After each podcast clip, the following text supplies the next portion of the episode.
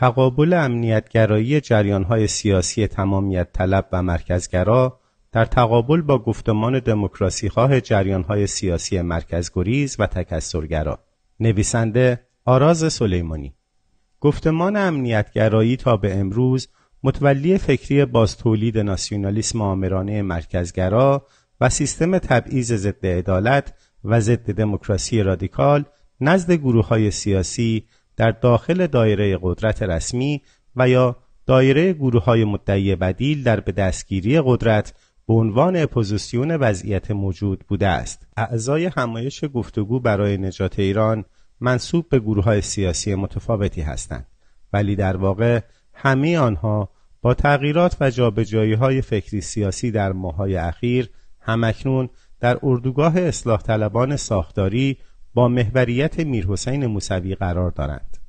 این اردوگاه در دوره قبل از تغییرات اجتماعی حاصل از جنبش جینا هسته فکری عملی خود را اجرای بدون تنازل قانون اساسی در ایران می‌دانست. ولی در پسا دوره جنبش جینا استراتژی عبور از قانون اساسی و ساختار سیاسی و افکندن رژیم سیاسی جدیدی با لحاظ تغییرات و مطالبات اجتماعی جدید است. نقطه عطف این استراتژی داشتن پشتوانه منشور اصناف و تشکلهای مدنی از داخل ایران وجود اعتلاف تقریبا تمامی جریانهای جمهوری خواهی با نام اعتلاف همگامی و منشور همگامی و همچنین در رأس آنها بیانیه سه مرحله عبور از نظام جمهوری اسلامی برای پیریزی نظام سیاسی جدید پسا جمهوری اسلامی ایران است.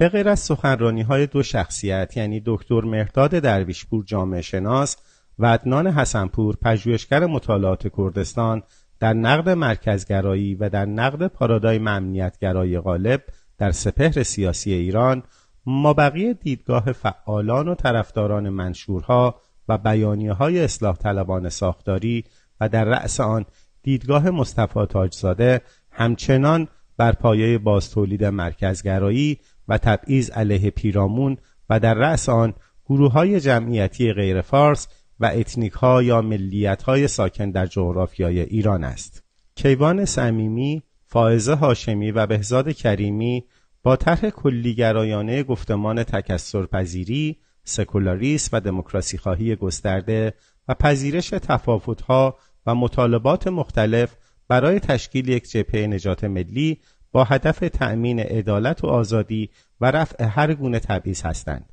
ولی سخنان اینان نیز از سوی کلیت اردوگاه اصلاح طلبان ساختاری و جمهوری خواهان چندان جدی گرفته نمی شود و همچنان شاهد تداوم وجود رویکرد امنیتگرایی در قبال جریانهای اجتماعی و سیاسی غیرمرکزی و جمعیتهای اتنیکی و ملی در ایران هستیم. تا جایی که هم در این همایش هم در بیانیه چند روز پیش اصلاح طلبان مبنی بر اتحاد به جای مطالبات قومگرایی اولویت دموکراسی خواهی و عدالت طلبی را به کناری نهاده و با دستاویز کردن مسئله تمامیت ارزی سعی در تضعیف، تهدید و قربانی ساختن جریانهای سیاسی دموکراسی خواه غیر مرکزگرا در مناطق پیرامونی را دارند. با وجود چنین فیگور سوگیرانه امنیتی از سوی اصلاح طلبان ساختاری به صورت جمعی و تشکیلاتی در قبال مسئله اتنیکا و ملیتها در ایران تا بدین لحظه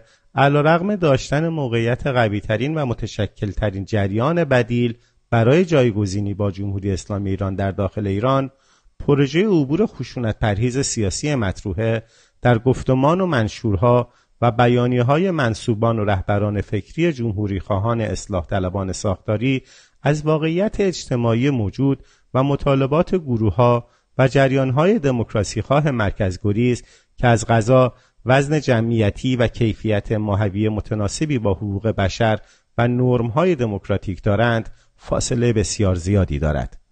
گفتمان امنیتی نگر ایشان از دیدگاه جنبش های اجتماعی و سیاسی اتنیکا و ملیت ها هیچ تفاوت ماهوی و ساختاری با گفتمان حاکم معیوب فعلی ندارد و از همکنون نوید بازتولید های سیستماتیک زبانی و ملی و اقتصادی و فرهنگی و اجتماعی و سیاسی را می‌دهند. برای ما بازتولید دوباره فاشیسم زبانی و سیاسی هیچ جذابیتی ندارد و این گفتمان تمامیت خواه تا زمانی که به جزئیات مسئله حقوق و مطالبات جنبش های مقاومتی اجتماعی و سیاسی غیر مرکزگرا نزد گروه های جمعیتی غیر فارس نپرداخته جدی و راهگشا قلمداد نخواهند شد.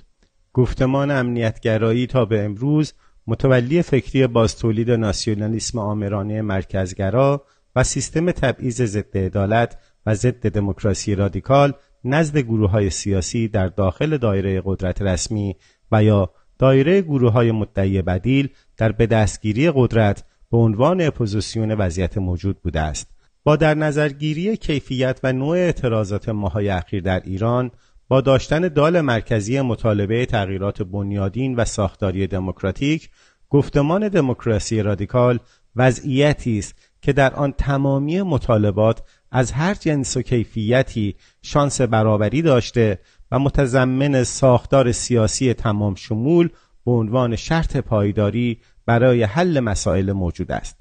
نسبت هر جریان و گروه سیاسی با گفتمان دموکراسی خواهی رادیکال با به رسمیت شناسی تکثر و حقوق اتنیکی، حقوق جنسیتی، حقوق اقلیت های دینی و تمامی گروه های اجتماعی تعلیق شده و یا سرکوب شده است که متعین میزان مشروعیت، جذابیت و پیشروی در فضای اجتماعی و سیاسی را خواهد داشت. نسبت هر جریان و گروه سیاسی با گفتمان دموکراسی خواهی رادیکال با به رسمیت شناسی تکسر و حقوق اتنیکی، حقوق جنسیتی، حقوق اقلیت های دینی و تمامی گروه های اجتماعی تعلیق شده و یا سرکوب شده است که متعین میزان مشروعیت، جذابیت و پیشروی در فضای اجتماعی سیاسی خواهد بود. رعایت و عمل به این اصل اساسی است که متضمن استمرار حیات سیاسی جریان هاست و بالعکس عدم تجانس و عدم عمل منطبق با مطالبات دموکراتیک